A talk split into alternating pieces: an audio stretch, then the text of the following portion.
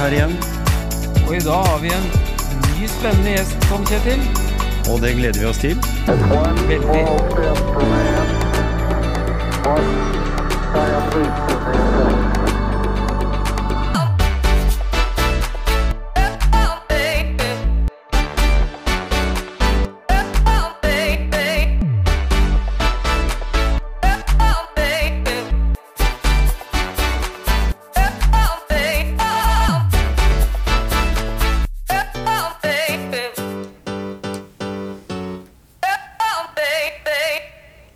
Gisle. Tilbake i studio. Mm, I dag så Jeg må nesten begynne med en liten greie fra 1991-92. Da starta jeg og en kompis av meg som heter Ragnar Danielsen opp fotballaget Gjemse fotball. Og den eh, Vi fikk to sponsorer for, for det fotballaget. Det ene var eh, Meny, som det het den gangen, på eh, Skobi. Og så var det et flyselskap som heter Mhm. Og det syns jo vi var kult. Vi hadde sånn teddybjørn på buksa vår, husker jeg. Eh, og i dag så har vi faktisk fått eh, besøk av Harald Sørensen, som kjenner teddyer eh, bedre enn noen annen. Er det ikke det? Velkommen til eh, studio, Harald. Jo, takk for det. Ja da, det var vel meg som får skylda for å starte det der eh, flyselskapet, ja. ja. Ja. Jeg må spørre før, eh, helt sånn i starten, hva var det som gjorde at det blei teddyer? Du har jo hatt litt sånn, du har hatt selskap som heter Bamse. Hvor, hvor kommer den derre Bamse-teddyer-greia fra? Ja, det, det kom jo av det at eh, jeg begynte å jobbe som eh, mekanikerlærling eh, hos Snorre Kittelsson. Mhm. Og han hadde to bjørner som heter Bamse og Tasselass. Så Geitryggen, som vi starta fra, de er jo veldig forbundet med de to bjørnene, da. Mm, alle det. folk kom jo opp dit for å se på Bamse og Tasselass. Og så tenkte vi egentlig på noe som heter telefly eller noe sånt, da, som vi hadde hatt en del år oppe på Hardangervidda. Vi fløy jo flottørfly oppå der. Mhm. Men når vi skulle begynne å fly fra Geitryggen med Skien-Oslo-ruta, så uh, syns vi liksom Teddy det matcha godt, da, for vi kommer jo til å fly en del utlendinger, regner vi med. Ja, ikke sant? Og så øh, Vi malte jo flyet av litt sånn oransje farge og litt sånn hyggelige farger, da. Så tenkte vi at uh, Teddy, da blir øh, Det klinger godt, det blir godt humør. Mhm. Så det, det er jo enkelt, da. det- Vi var jo en del i utlandet òg, liksom Teddy. Og vi fikk jo kallesignal av Oslo Kontroll òg da vi fløy på alle de rutene vi etter hvert starta. Og da ble det Teddys 1, 2, 3, ikke sant. Og det, så var det, plutselig hørte vi på radioen Scandinavian 1, 2, 3, ikke sant. Og så var det Teddys 1, 2, 3 og Ja. sånn. Altså vi hadde vårt eget. Så det er et greit navn. Ja. Ja, Men eh, når jeg snakker om de to bjørnene, da jeg, For jeg, jeg har aldri sett de oppå der, men det er kanskje fordi at det var før Meaty, eller? Nei, jeg har opplevd det. Ja, du har, ja, du har Jeg sett har det, noen bilder av meg når jeg er og klatra på en sånn gammel Dakota eller noe sånt. Det sto vel et sånt fly der oppe, var det ikke det? Eller hva- jo, ja. jo, jo da. Og så, og så var det de bjørnene, ja. Ja, men Mm. når var det, hvilket årstall var de bjørnene der? da? Det var ikke 90-tallet, det, eller? Nei, Nei. da, det var de, eh, de blei jo gamle etter hvert, så de endte vel i kjøttdisken, eller de ble skutt eh, der oppe. Ja. Det var vel i slu, helt i slutten av 60-tallet. Ja, ja, ja.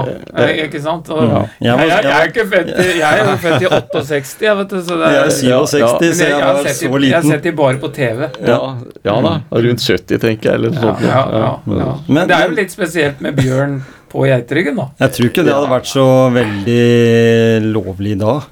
Jeg vet ikke. Jeg vet ikke åssen det er. Jeg vet ikke om Nei, det fins noen er bjørner rundt omkring her. Det er litt regler for det nå, tror jeg, i Ja, forhold til villdyr på det er, Hvis du spør de nede i Kristiansand, Ja. i dyreparken der, så, så er det vanskelig å og i hvert fall gå ut i skauen og fange et par bjørn, og så Ja. bare Ja. sette Men da, linjering. var de henta inn fra et sted? Ja da, de, de, vi hadde jo f- eh, en periode så hadde vi fire 19-seters fly. Og så vi fløy jo da mm, på Skien-Stavanger-ruta med noe som vi kalte Tasselass. Det heter jo den ene bjørn til Snorre. Og så hadde vi Bergensruta. Den heter Bamse. Og så hadde vi, fikk vi fra staten da, i konkurranse med Widerøe, så fløy vi eh, Fornebu og etter hvert Gardermoen, da, Fagernes, og oppretta base der, til Bergen. Og de flyene som heter der oppe, det heter Pekka og Lisa. For eh, Pekka og Lisa, det var mammaen og pappaen til Bamse og Tasselass. Mm. Ja. Så de kom jo oppan til Fagernes-området.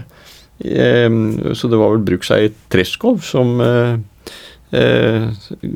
lurte på hva han skulle gjøre med, med disse to bjørnungene. da, til Pekka og Lisa. Og det, så Snorre han fløy jo Treskov en del par dager Hardangervidda. Og så fikk han disse to bjørnene, da. eh, Ja, ja. Bamse og Tassela, som bitte små. Han hadde det jo med seg i bilen, og etter hvert som de vokste, da, så hadde han jo med seg til og med på torvet i Skien. Og han hadde det jo stadig med i flyet, og hver gang han krangla, da det, det her er sant. Ja, ja. Han krangla med Luftfartstilsynet på Fornebu, så hadde han med seg den snilleste bjørnen, da, som var Bamse, inn der. Og fikk ordna skikkelig opp, da. Eh, Kontordommene hang jo i gardinene der inne og var vettaskremte, da.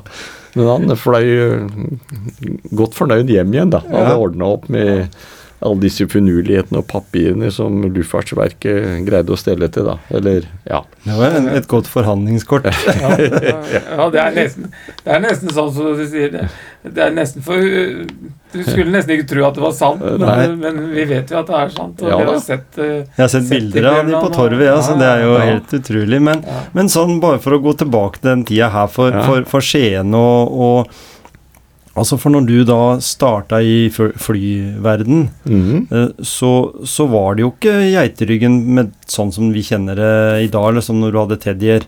Var det, bare ikke sånn at eh, Jeg leste et sted at det der eh, var det landing på isen på Børsesjø om vinteren, og så Ja. var det noe i gjelden med vannfly. Ja da, stemmer det. det var jo, eh, da var jo jeg ganske liten. Det var jo før min tid at jeg begynte å fly, det der. Det var jo Widerøe bl.a. som hadde rundflyging på Børsesjø. Mm. Det var jo helt tilbake i slutten av 30-tallet, tenker jeg. Og den tida. like etter krigen. Og så Snorre, han begynte jo i midten på 50-tallet. Mm.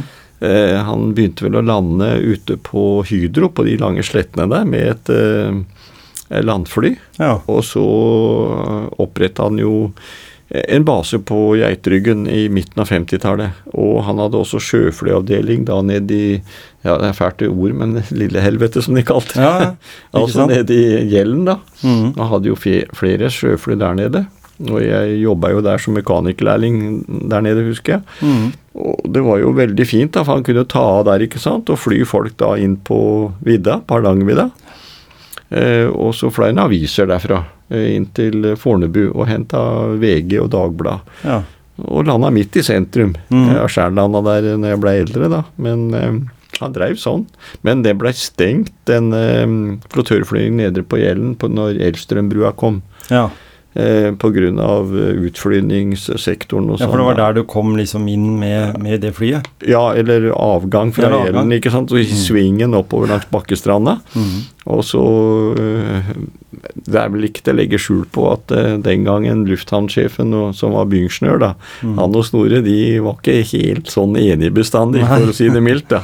Nei, det vet du. Ja, så øh, Men Nei da, så han hadde base der. Mm. Og oppe på Geitryggen, da, som var en eh, 700-800 meter lang grushaug, omtrent. Ja. Eh, bane som de hadde pløyd opp der oppe. Det var jo mm, eh, lenge etterpå at det fikk asfalt, og banen ble egentlig flytta litt grann vestover.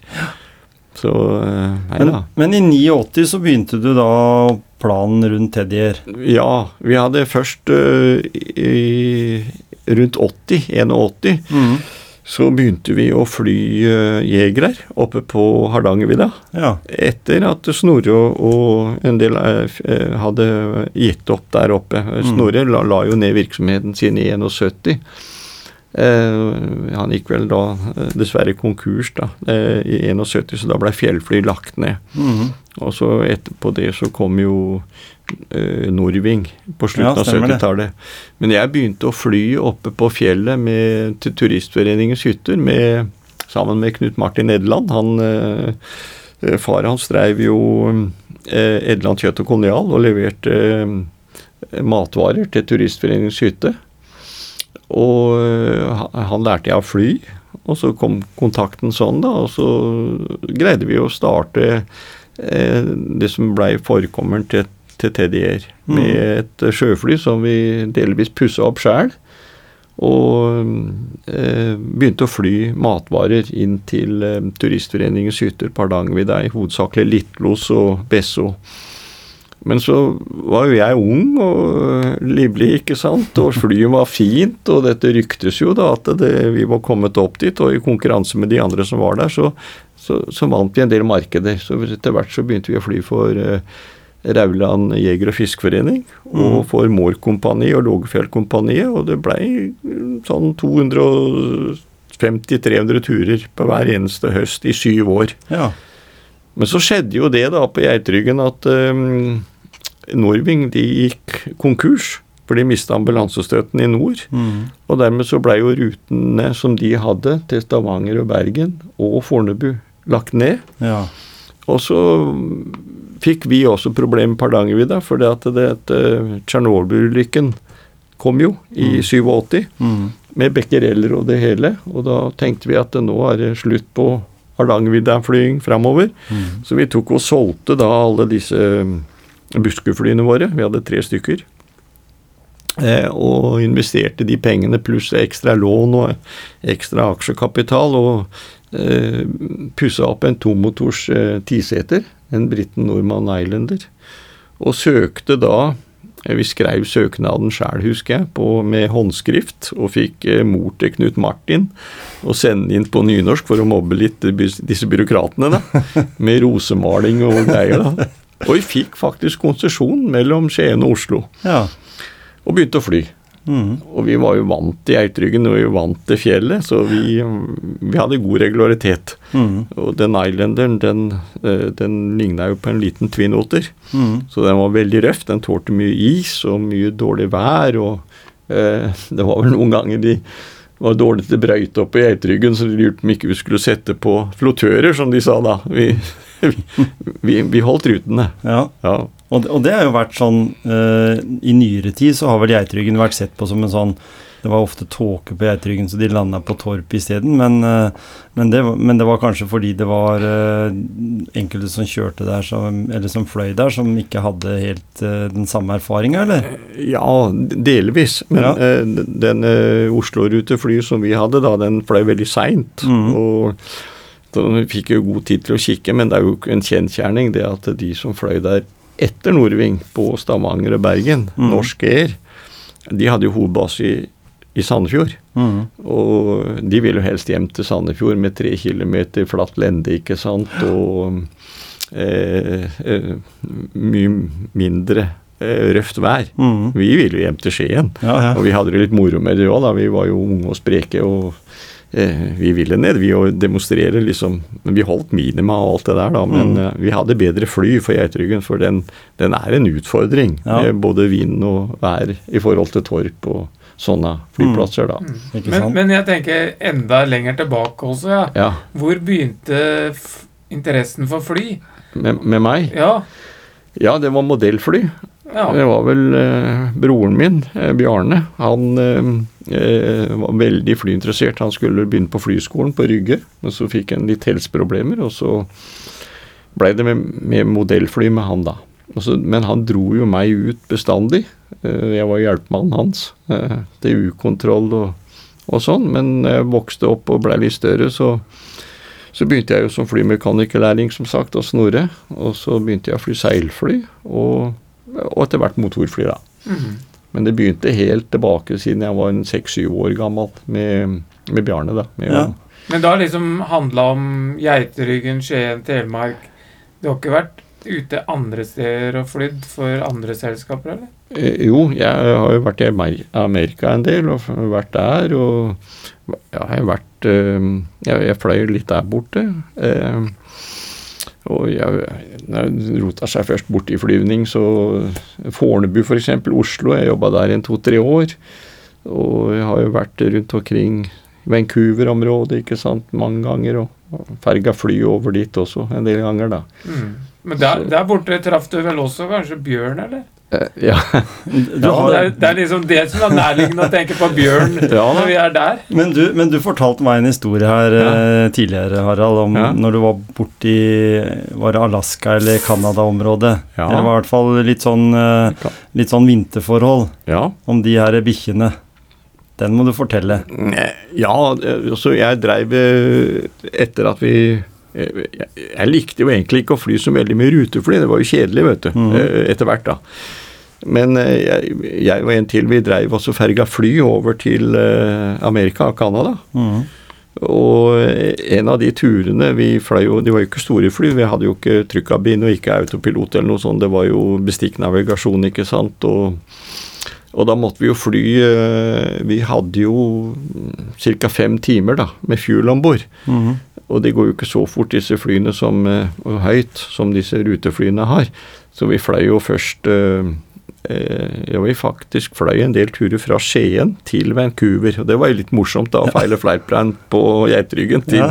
Hvor skulle du? Liksom du var vant til Skien-Fornebu eller Skien-Bergen? Nei, vi skulle Skien-Vancouver. De trodde jo ikke det. Men eh, da fløy vi altså først til Bergen, og så eh, tømte vi våre tanker og fylte opp flyets tanker, ikke sant? Mm. Og så var det Shetland da, og så var det noen ganger Færøyene. Og så Island, Røykjavik, og så var det over til eh, det verste hoppet, for å si det sånn, det var til Søndre Strømfjord da, fra Røykjavik, for det var fire timer og tre kvarter å fly. Mhm. Da måtte du ikke bomme med været eller eh, navigasjonen. Og så landet vi i Søndre Strømfjord, og så var det over til Baffin Island i Calvit, da, hvor du var stort sett eh, bare inuitter, Mhm. og eh, ikke sånn à la eskimoer, altså. Og det var jo enkelte ganger vi bodde der, da, for vi dro disse turene flere ganger. Eh, og det var jo en historie Det er jo 16 meter forskjell på Flo fjære der.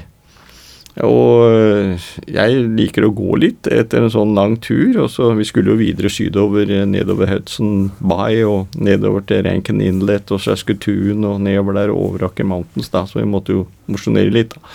Men en, en av de turene så gikk jeg fra flyplassen og så og mosjonerte litt eh, rundt området der, og stykket godt. Og så blei det jo mørkt. Og så lå det jo en del sånne svære hauger rundt der. Jeg tenkte fader, er det for noe? Eh, Rare tuer. Jeg så det begynte å bli mørkt. Og gikk imellom alle disse tuene. Vel en 50-60 sånne tuer, tenker jeg, som lå der. Så jeg sto midt inni det, og så begynte den ene tua å reise seg. og jeg lurte pokkeren hva det var for noe. Og så var det jo sånne Grand Husky, vet du. Sånne kjempesvære huskyer som var pæla fast med tau. Ja. Og så fløy jo disse inuittene rundt med sånn liten traktor, da. Eh, eh, og- eller som da, og heiv kjøttstykker til de. Der sto jo jeg, da, midt i aleine. Tenkte fy søren, nå blir jeg snart uh, spist opp, ikke sant? Da kunne det blitt uh, hundemat, ja. ja, og ingen visste jo hvor jeg var, ikke sant? Nei. Det var jo midt ute i nordvestterritoriet, ikke sant? Så det, det var vel den nifseste opplevelsen med hele flyturen, tenker jeg. Så jeg liksom gikk baklengs ut igjen og snill bisk, snill bisk, liksom. De, sto, de var jo svære, ikke sant? ja. Ja. Det, det var det, det, det, det, liksom, det var ikke flyturen som var farlig, det var, var de bikkjene. Ja, jeg, jeg betrakta det sånn, jeg, da. Ja, Ja. ja, det er ikke sikkert Andre hadde vel sett på den flyturen som kanskje litt mer sånn skremmende det òg? Ja, det, det er jo sånn at vi hadde jo ikke noe overlevningsdrakter eller noe sånt, og vi skjønte jo det at det, særlig dette hoppet mellom Røykjavik og Søndre Strømfjord, da de finner aldri verden. Det er enorme områder der. og Mm. Om vinteren når vi fløy over der, så var det jo 10-12 meter bølger og svære isflak, ikke sant. Og Nei, det er jo umulig, det. Men eh, motorene, de skjønner jo ikke det, at du flyr over havet. Nei da, de har jo ikke øyne. Men, men da, må jeg, da må jeg spørre deg, Harald. eh, Ja. For nå er det jo her hos oss i Motivasjonspreik. Og mm. hva er det som eh, har motivert deg til å gå eh, og, og, og brøyte på en måte en sånn eh, u, altså Det er jo ikke u, ukjent for så vidt, fordi vi hadde jo andre som hadde forsøkt seg innenfor det med å, å, å starte med flyvninger fra Geitryggen. Men du har jo sagt til meg tidligere litt denne her med å møte litt motstand, da. Hva er det som Mm. gjorde, som motiverte deg til å, å holde på sånn? For du kunne jo valgt en, en, en mye mer tilgjengelig flyplass et annet sted, en annen by, et annet land kanskje til og med, Ja da. enn akkurat i, i lille Skien. Ja, nei, det, det er litt rart kanskje det, for jeg, jeg tok jo full trafikkflyverutdannelse, og som de fleste kamerater av meg, de for å si det sånn, de blei jo bare trafikkflyvere, holdt jeg på å si, uten å mene noe gærent om det. Ja, ja. Men det å starte et flyselskap og drive det, det, det, det, Jeg ville ikke anbefale så veldig mange å gjøre det etterpå. Nei. Det var jo jobb døgnet rundt, stort sett, da. Um, vi vokste jo fra null til rundt 70-80 millioner i omsetning og rundt 50 ansatte. Mm. Og, um, men eh, nei, det var eh, interessen eh, for Geitryggen. At du skulle få til flyruter derfra som kunne være bærekraftig. Mm. Og vi bevisste jo det oppe på Hardangervidda, at vi tjente jo noen få kroner. Vi gikk ikke konkurs. Mange andre som har gjort det. Og så var det en enorm sterk flyinteresse, ikke sant. Eh, jeg har jo vært veldig interessert og styrt med dette hele snart nå i 50 år. Så eller ja, det blir vel Det blir søren meg 60 år, tror jeg, siden jeg begynte med modellfly. Mm. Men eh, jeg mente jo det var eh, Den gangen var jo ikke Torp der. Nei. Det var jo kun en Nato-plass. Mm. Tre kilometer rullebane og Nato-standard. Eh, Norsk Air begynte etter hvert der i eh, 89, 90, 91 eller noe sånt noe. Med noen sånne brakkeleiligheter og sånt noe. Geitryggen var jo stor eh, eh, fin hangar, ikke sant. Det var Mm. fin ekspedisjonsbygning. De hadde jo noen innkjørte ruter. Eh, så var det å få det til, da. At mm. du var jo ung og sprek og skulle søren meg få det til. Mm. På, en, på langt enklere kår kanskje enn det som de andre hadde drevet med da. Mm. Men for, for det var jo det var jo en sånn uh, vurdering der mellom hvilken valg hun skulle For da, som du sier, Torp var på en standard som det gamle Geitryggen var, nesten, bare med litt lengre rullebane. Det var jo veldig det derre Holdt på å si eh, Huset, eller på en måte varmestua, kan vi kalle det, da. Mm. Som, som, som var på Torp. Den var jo ikke noe større enn den gamle hangaren, eller den gamle hallen på, på, i Skien. På Geitryggen. Så, så, så den utviklinga det var jo en sånn konkurranse. Det kunne like gjerne blitt Geitryggen framfor Torp. Den gangen det blei på en måte en sånn, selv om, selv om du som du sa her i stad med værforhold og, Mm. og, og lengde på rullebanen og sånt noe, men Mm. for jeg hørte en gang en historie om at det var en eh, prest oppe på Solum kirke der som nekta å, å bygge ut Geiteryggen noe mer. Mm. Er, det, er det sant? Det, det, det vet jeg ikke. Nei, du har ikke hørt Nei. den historien? Nei. Nei. Men jeg husker Snorre Kjetelsson. Han sto jo sammen med Bernt Balken, han eh, flypioneren Bernt Balken, i eh, 60-tallet og sa 'bygg ut Geitryggen nå mer til eh, 2,5 km rullebane før det er Mhm. for sent', eh, husker jeg det sto i avisa. Ja. Så hadde de gjort det den gangen, så det hadde jo sikra regulariteten. Da, for å lande fra syd på Geitryggen er langt eh, enklere enn å lande fra nord mm. pga. tåka. da. ja. Eh, men eh, vestfoldingene er jo mer spreke enn, eh, etter min mening, ja. etter sånn forretningsteft med de gamle hvalfangerne der borte. Og de fikk jo Widerøe søkte jo om kanskje å begynne Skien og flyruter derfra, eller Torp, og så fikk de vel mere, mye mer backup i, på Torp, da. Mm. Mm. Og mm, det var jo Kosmos med Bettum og Anders Jari i spissen som starta Norsk Air før Widerøe. Mm. Det ble jo kjøpt opp av Widerøe etter hvert, da. Eh, men hvis en setter passespissen også i Torp og ti mil rundt der, så er det jo mye mer folk som bor i de ti milene enn eh, i den radiusen, for å si det sånn, Mm, mm. enn Geitryggen. Og så har de helt klart en mye bedre eh, flyplass. Ja, ikke sant? Altså, Geitryggen kan jo aldri tenke på sånn som Torp er nå, med eh, store jetfly som flyr eh, Nei, sant. hele Europa over, og masse charterturer, Kanariøyene etc. Ikke Mm. sant? Det kunne vi aldri fått på Geitryggen. Så, så hva tenker du om det at, eh, at, at det er Torp som er den store flyplassen, og aktiviteten på Geitryggen er Borte. eh, borte, da. Ja. Det er jo noe aktivitet der, går jeg ut ifra. ja, Eh, ja det er eh, Med, med litt andre det er småfly som flyr. Er småfly. en klubbvirksomhet. Det er Mm. tre klubber som Mm. har danna et luftbortsenter, da, og så Mm. driver de med litt fallskjermhopping og litt skolevirksomhet og klubbflying, da. Mm. Men, men du er ikke så patriot at du for enhver pris ville hatt flyplassen på Geitryggen, eller? Nei, sånn ruteflyplass. eh, Når Torp kom sånn som den kom med Widerøe, Mm. og det næringslivet som backa opp der. Og det var jo også ganske rart å se da at eh, når veiene ble bedre Det var jo ikke sånne gode veier til Sandefjord som når jeg holdt på, oppe på Eitryggen. De ble jo bygd ut. Mm. Tog, togforbindelsen er mye bedre.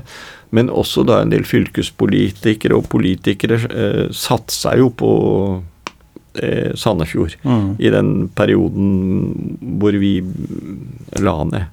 Vi ble jo overtatt av en, en svensk skipsreder, vi. Mm.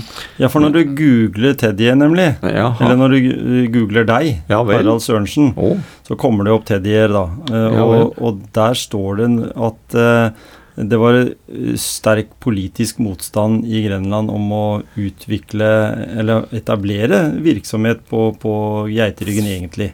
Det var liksom ikke noe samkjøring mellom de politiske miljøene i mhm. Skien, Porsgrunn, Bamble, Siljan, liksom. Det var Mm. eh, litt sånn Det var kanskje bare noen få i Skien som var litt interessert. Ja, stemmer nok det. Så, så det var litt sånn uro rundt det der. Så, så du fikk ikke liksom sånn veldig eh, si, klapp på skuldra 'kjør på', Harald. Eh, nei, det, nei, det er nok riktig, det. Ja. Men eh, jeg, jeg syns jo det var Det var jo 70-80 aksjonærer i TDR. Mm. Og en av eh, I en periode så var jo eh, Herman Øvenskjold eh, hovedaksjonær. Mm. Og han var veldig ivrig på eh, Som pappaen hans igjen hadde vært, eh, som hjalp Snorre. Mm. På næringsutvikling i Skien, Mm. eller i Grenland. Og han Jeg husker en gang oppe på Vi hadde jo noen møter der oppe med noe god elgmiddag og, og sånn. Eh, og da lurte han på i all verden, hva skal vi gjøre, Harald? Sånn skal vi Vi må få større fly.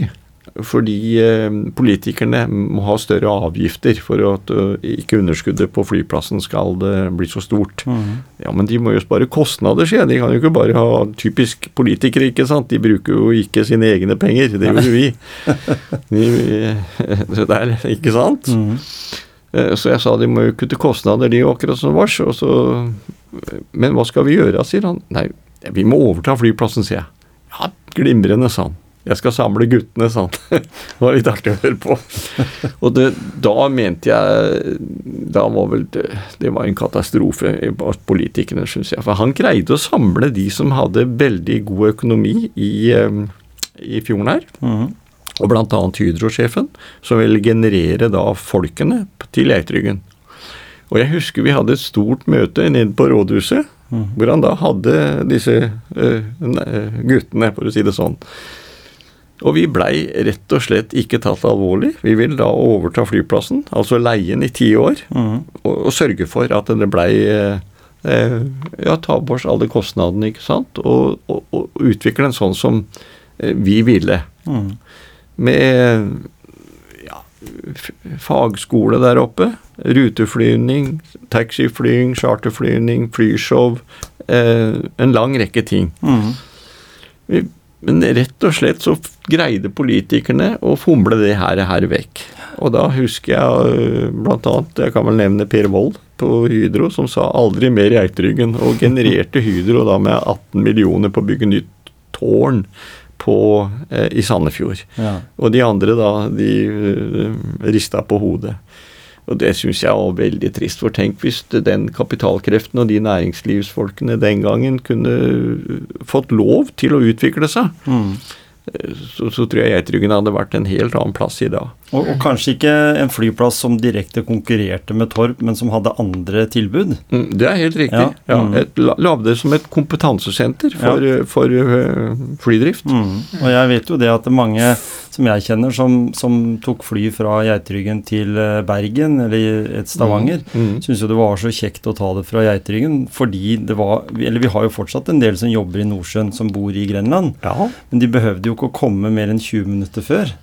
Det var Nei. ikke sånn som på Torp at du måtte sette av flere timer. For det første Nei, ja. tok det jo nesten en time å komme seg inn i hallen der til slutt, når du hadde Ja. fått uh, mer av bagasje og alt. ja, Eh, Og så måtte du komme så og så langt i føre, og det var en veldig helt an annet regime enn det de sa det var oppe på Geitryggen. For det var mindre kår og De kunne snu seg litt rundt litt kjappere, da. Ja da. Så, så det var jo veldig fordel for de, da, husker jeg. Selv for, for mange av de bedriftene som betalte den flybilletten, Mhm. Så betydde jo ikke det noe om den kosta 2000 kroner eller 1600 kroner. Mm. Sånn som det gjør hvis jeg skal betale billetten sjøl.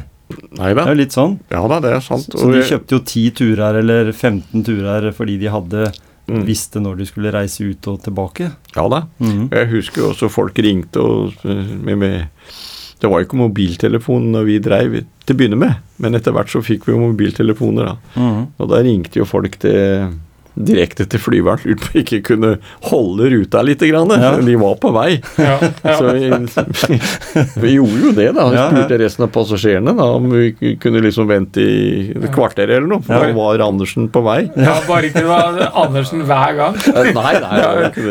Nei. Nå må du skjerpe deg, Andersen. Ja, Andersen igjen. Ja. Nei, nå venter vi på Andersen igjen. Nei, men det var jo andre, andre tider, da.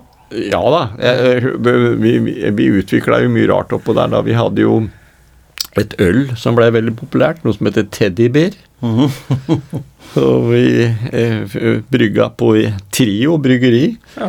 Og så hadde vi en liten teddykniv, liksom en sånn liten tålekniv, husker jeg. Så jeg husker jo eh, før avgang noen ganger på de mest eh, Når noen hadde gjort litt spesielt, og vi ville ha en liten serverdighet, da, så utleverte vi øl og kniv før avgang. det skulle vært i dag. Ja, Ja, det var både når det gjelder øl, alkohol og kniv, ja. Ja. Hvis du Ja. tenker på sånn som Ja. verden har forandra seg. Så God kombinasjon, det. Ja. Satt jo passasjeren der og glad og lykkelig om bord på vei til Bergen, da, med øl i den ene hånda og kniven i den andre. Ja, ja. Uff a meg. ja. Men, men uansett, da, så nå er, nå er det jo som det er der oppe, men du er fortsatt aktiv der. Så hvis, så hvis Tom Kjetil skulle ta flysertifikat, så, så hadde han hatt en til å, å være sensor for han, eller? Ja. Eller opplæring òg, kanskje? Ja da, det, det skulle gå, det. Vi, jeg er jo blitt sånn pensjonist delvis, da. Eh, ja, vi jobber jo et par dager i uka, kanskje. Mm. Men eh, Så jeg har jobba i mange, mange år som frilans for Luftfartstilsynet. Som sånn flight examinator, sånn sensor. ja. Så Jeg har jo så mye sånn papirer da fra før, vet du, sånne flysertifikater, for jeg er jo blitt så gammel. Men eh, Så jeg har liksom rettigheter til å drive opplæring da, til folk på forskjellige flytyper, og vannfly og hjulfly og litt sånn. Og så kan jeg utstede sertifikat da, til, til, til de som består. Mm. ja, Og det gjør de fleste. Ja, så vi har et hyggelig miljø der oppe. Det, ja da. Mm. Og det, det er sånn at du, du tar av turen opp dit fortsatt. Altså sånn Ja. også eh, ikke, når ikke det er flyvning. Ja, så da, har dere et lite miljø i, i, i det Ja. Hva kaller du det? Brakka, eller inni det, inn Ja. det bygget der oppe? Ja, det er faktisk sånn at eh, når vi avvikla eh, dette eh, Teddy ble jo ganske stort etter hvert, som jeg sa, og vi fikk for å få inn store fly, så eh, var det fryktelig dyrt. Eh, vi hadde jo en, en fire 19-setere, eh, og det er på en måte De veide under 5,7 tonn. Og det er grensa for å drive eh, liten luftfart, for å si det sånn. Mm. Skal du over den, så er det fryktelig dyrt. Det, vi fikk jo fire 36-setere etter hvert. Mm. Og for å få til det, så var det noe Det var ikke lov å fly med et utenlandsk selskap i Norge før 1.4.97. Det var noe som heter kabotasje. Mm. Så det var kun Bråten og SAS som kunne fly ikke sant, innenlands og videre. Eh, Ikke noen utenlandske selskaper sånn Nei. som nå. Men 1.4.97 så ble det frigitt. Det var ikke så mange som visste om det. Men jeg hadde en god venn i Tordals rederi som kjente en eh, hyggelig, beskjeden skipsreder med 30 tankbåter borte i, i Tunebolaget, borte ved mm, den store sjøen der borte, mm. Veneren. Eh, I enden av Gjøta kanal. Og jeg, jeg var så tenkte at pokkeren ikke om disse aksjonærene i Tedier, eh, spesielt den gangen Herman Lørenskiold, som var hovedaksjonær, skulle ho- snauhogge hele skogen sin. For det var, det var en stor sjanse å eh, satse på så eh, tung luftfart. Da. Jeg visste at det ville koste flere titalls millioner. Mm. Eh, men han hadde, han svensken, han eh, Anders Kjelsson som han het, han hadde et bitte lite flyselskap, men han hadde store fly som fløy for eh, eh, Saab, altså bil eh, Mm. De lagde jo Saab i Trollhättan Mm. og inn til Stockholm med 36 seter. Så tenkte jeg at hvis jeg kunne få lurt han på en eller annen måte til å ta en av den, denne konsesjonen, ikke sant. Han hadde tung lisens, og et av hans øh, fly til å begynne å fly og kutte ut Bamse, da, som gikk på Skien-Bergen, den 19-seteren, og prøve det forsiktig om det gikk. Og det han jeg, jeg reiste bort den, og hadde med meg et ark da, med et budsjett. og som sagt, ikke sant, Hvis vi kutter ut Bamse på Skien Bergen, så kunne du sette inn denne store sabben din, og så kunne du kanskje se åssen det gikk. Og han eh, spurte hvem som var eiere, og øh, du vet, der borte så ja, det var som og den gangen, da. Det var jo adel i Sverige og greier, så han syntes jo det var litt gildt, da. Ja, ja. Og mm, vi hadde jo en veldig fin hangar. Og øh, hadde jo en innarbeidet rute. Og så han syntes det var greit, han skulle prøve. Og så gikk det ikke mer enn to måneder, da, så kom denne en Saab på Jautryggen, 36 seter, og vi malte den opp og klistra opp teddier og greier på sideror og sånn, og begynte å markedsføre. Og Widerøe på øh, i Sandefjord, de hadde jo bare 30 setere. Eh, og vi begynte å fly med 36 seter, og plutselig et stort fly Skien-Bergen. Dette eh, Luftfartsverket i Norge gikk jo helt amok, og de kom jo hamrende på døren lurte på pokkeren vi dreiv med. Men jeg sa nå kan det jo ikke det komme inn her i hangaren, sier jeg, for at nå er det jo svensk myndighetsansvar her nå. Og de ble jo sure, skjønte ingenting, for de hadde søren ikke hørt om 1.4.97 med fritak av kabotasjeregelen, for Ja, vi var sånn, den første i Europa som gjorde det. ja vel. yes. Men ok, så jeg, dere kan jo komme inn og få en kopp kaffe, så kan vi prate om saken, sier jeg. Og imens så fløy jo denne Saben Skien-Bergen, vet du. Det var jo veldig morsomt. Og, det gikk veldig bra. Mm. Og så ville de, etter en stund, så ville jo vi gjerne prøve dette stykket da, på Skien-Stavanger òg. Og så kuttet vi ut Tasselass, som den heter, som hadde flydd 5000 turer eh, Skien-Stavanger for vårs. Og så fikk vi Saab der òg, og sånn utvikla vi vårs da. Mm. Og, eh, men etter hvert da, som åra gikk, så begynte jo disse politikerne å krangle om Geitryggen igjen. da. Så det blei liksom ustabilt, og da forlangte jo denne skipsrederen, som sakte, men sikkert da kjøpte oss opp aksjemessig, om å få en garanti av politikerne i eh, Skien, Porsgrunn og Bamble, da, som dreiv flyplassen. Det var jo interkommunalt, ikke mm. sant. At eh, han ville ha ro i fem år. Stabilitet der oppe. Det fikk en aldri. aldri. Og da sa han ok, da nå har jeg investert 90 millioner her i fly. Da øh, drar jeg med meg selskapet til Sverige, og så får vi se åssen det går. Og det gjorde han faktisk i løpet av to måneder, og så ble det jo sjokk i Skien, da. Mm. Men det var det jeg skulle komme tilbake til når vi, når vi sitter der oppe i dag. Så den hangaren den tok vi og solgte, da, for den sto jo på kommunalt grunn. Mm. Så den eh, Da forlangte Skien kommune å få kjøpt den tilbake når vi skulle selge den. Og de kjøpte jo den, og det er der vi bl.a. sitter, denne flyklubben i dag, da, i Mm. disse gamle kontorene mine. Så jeg føler meg jo litt hjemme der oppe, da. Ja, ikke sant? Jeg har tross alt vært der i 15-20 år. Ja, Ja. Og det, det kommer du til å fortsette med, går jeg ut ja da. Ja da. Mm. Men eh, har eh, Harald Sørensen noen prosjekter nå? Altså det, du er jo en mann som ikke altså Jeg har jo hørt snakk om at du, hvis det er eh, full fart, enten så er du ute på sjøen, Mhm. eller så eh, bygger du enda et bygg oppe på tomta di. Eller så er det andre prosjekter. Eller er det noe du ikke vil snakke om? Ja, nei, det er b- beskjedent. Du fisker litt makrell med den gamle skøyta mi. Jeg Ikke må ha sant? mat. Mat må man ha! Ja. Nei da. Nei, øh, jeg driver jo og surrer litt opp på dette småbruket av og til, da. Men jo, altså, vi har en øh, fire småfly som vi driver med litt skolevirksomhet. Mm. Og, og Geitryggen kan lett utvikles til eh, eh, langt større skolevirksomhet. Både, det kunne jo blitt en fagskole der også for eh, flymekanikere. Mhm. Det, altså, jeg har bodd en del i Amerika. Og i Amerika, hvis vi hadde hatt en eh, ja, en by eh, som Skien med 50 000 innbyggere og en rullebane på 1400 meter, så hadde det gått businessjetter der og businessflyfolk. Og vi har jo et enormt stort næringsliv med Hydro og alt det der som skal utvides for milliarder av kroner nå i nær framtid. Så jeg tenker jo sånn så Hvorfor i all verden drar disse menneskene med tog eller bil inn til den lange veien til Gardermoen?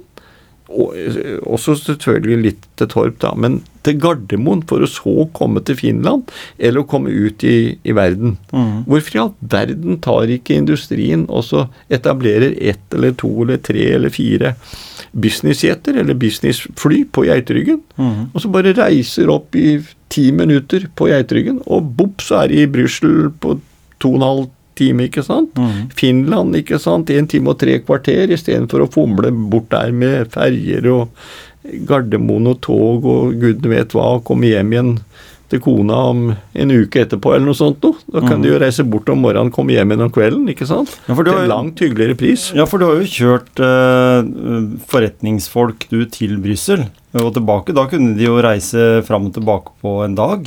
Ja da. Du kunne ha møte nede i Brussel og så hjem igjen på kvelden. Ja da, jeg, ja visst. Men Jeg husker jo det når eh, Statoil skulle bli Borealis. Mhm. Så traff jeg jo den gangen sjefen, eh, Kulås, eh, som stadig fløy med oss eh, til Oslo. Og så spurte jeg hvorfor i all verden flyr du til Oslo? Ja, han skulle til Brussel. Ja, men kan vi ikke få til det, altså? At vi flyr direkte fra Skien, istedenfor å bytte i København og så videre inn til Brussel, og så bruke mange dager? Jo, går det an, da, mente han. Ja ja, kom på mitt kontor, sa han den gangen. Og jeg møtte opp på kontoret, og ja, en måned etterpå så hadde vi to eh, tisetere på Geitryggen. Og startet å fly fra Geitryggen direkte til Brussel. Mm. Og så ventet vi på de der, og hjem igjen. Ja. Og de sparte, jeg tror vi vi tok vel et tømmelside, 48 000 tro- kroner, tror jeg, den gangen. Tur-retur Brussel, da. Mens uh, billett i Kulås vel fortalte det at det hadde kosta vel 148 000 mm. for å ta rutefly og fomle seg vekk hele uka. ja, ikke sant? konene var jo mye hyggeligere, sannsynligvis, for å få med den hjem igjen. Ja. Så riktig motivasjon fra de riktige folka gjør at det kanskje kan bli mer flyving på eh, Geiteryggen Mhm. ved en senere anledning, da. Ja, jeg hadde håpa det, og nå er det jo kommet ny næringssjef i Skien kommune. Og det hadde Nå er jeg jo gammel og pensjonert, men hadde jeg vært næringssjef, så hadde jeg gått ut i industrien og nettopp foreslått dette greiene her. Mm. Du, du har jo sånn som kjøring av Jeg vet bilbransjen er jo veldig stor i Grenland. Ja. Er masse bilmerker og mange som har verksteder og sånn. Og den, en sånn transport som skjer, det er jo på bildeler. Du kan Mm. bestille deler, og i løpet av 24 timer så skal delene komme. Men i dag så går jo de til Gardermoen eller, eller Torp, og så mm. transporteres det da med bil eller lastebil, da, eh, eller, eller Posten eller hva det er, mm. videre. Mhm. Så hvis du da kunne du ha kjørt i direkte i kjørteltrafikk for Tesla eller for, eh, for andre sånne bilprodusenter som, som reparerer biler hele tida Autostrada skulle kunne vært med der. Ja, visst. Eh, for, som har så mange bilforretninger og kan hente hos Volvo. For Volvo vet jeg har hatt den ordningen der i mange år, Mhm. med, med deler som kan komme Du kan bestille en del klokka ti den ene dagen, så er det kommet eh, på verksted da klokka ti dagen etter. Mm. Så Mm. kanskje lytterne våre, da, hvis det er noen som ha, har litt å si i den forbindelse, at de mm. kan bli motivert til å kanskje se på den muligheten, da. Mm. Det er jo, for det her tenker vi jo miljø også. Vi tenker jo, I dag så tenker vi mye på klima, selv om fly Mm. har ofte fått litt straff for at det, at det er forurensende og sånn, så er jo, så er det jo den effektiviteten som, som gjør det. Altså Mm. tidsbruken og, og, og det med at du unngår transport på veiene Mm. i forhold til lastebil eller, eller, eller bil. Mm. Mhm. Ja da. Nei, det er i hvert fall eh, Sånn som jeg ser det, så syns jeg det er helt merkelig at det, vi har en rullebane der som kommunen har brukt hundrevis av millioner kroner på. Altså våre skattepenger, da, sannsynligvis også. Mhm. Og så har vi en enorm industri. 5-10-15 minutter unna. Hvorfor i all verden greier vi ikke å utvikle den og bruke den rullebanen på en annen måte? Mhm. Det, det er, nå begynner jeg å bli gammel, men jeg hadde håpa at ungdommen kunne, og næringssjefen og diverse kunne samle sammen en gjeng av eh, unge, friske Mhm. både kapital og mennesker, og så få det til. Eh, Hadde det her vært i Amerika, som sagt, så hadde det gått fly der hver dag. Mm. Mm. Og da tenker jeg Harald, ikke tenk på oss, Gisle, for vi er jo godt voksne. Selv, selv om vi Ja da, føler ja oss da, unge, vi òg, så, ja så, så tenker vi at uh, gjennom podkasten nå, så kan vi jo motivere noen der ute som har interesse for, for fly og, og, det med å effektivisere. Mhm. Eh, Mm. for, for i dag, det er jo et sånt voldsomt stort anlegg der oppe på Geitryggen i dag. En sånn hangar som er bygd opp ute på, på banen der med, med sånn eh, flyvasking. Ja. Er ikke det, det, det kan jo være at det også kan utvikles, eller? ja, nei, får jeg håpe det. At de får det, får det til, sånn at Ja. det også kan kanskje svippe fly innom der for å vaskes der, istedenfor at de bare skal bygge anlegg andre steder, eller? Ja, det er vel ikke Kanskje tenkt ikke? Det er ikke tenkt sånn, det Nei, tror jeg. Det der er vel bygge opp stasjoner rundt omkring for sånn Ja. vasking og spyling av fly. ja. Er- Men eh, allikevel, vi har jo kafeteria der. Mm. Vi har eh, ekspedisjonsbygg. Vi har lysanlegg som virker på rullebanen. Mm. Vi har tårn, et helt topp moderne tårn der. Vi har Mm. all, og vi har 1400 mm, ganske nyasfaltert rullebane der oppe. Mm. Så alt ligger jo til rette for uh, Det er ikke sånn at du liksom skal begynne å bygge en flyplass. Nei. Og skulle du bygge den i dag, så hadde det kosta hundrevis av millioner. Mm. Og den bare ligger der. Så Jeg tenker kanskje at det er ikke lenge til det er drift igjen på Geitryggen, Ja. etter, etter at den her ligger på lufta. Så jeg tenker at eh, du, hør nå Gisle Valen, du som ofte kjører eh, Porscher og andre sportsbiler der oppe, når ikke det er flykjøring der. Tenk litt på at fly også er kult. Tusen takk for at du tok turen, Harald. Det var veldig gøy å høre den historien. Ja, ja. Eh, og, og sånn, og så får vi ha lykke til med både makrellfiske og, og etter hvert andre prosjekter. Ja, takk, takk, for det. Takk for at du tok turen innom. Jo. you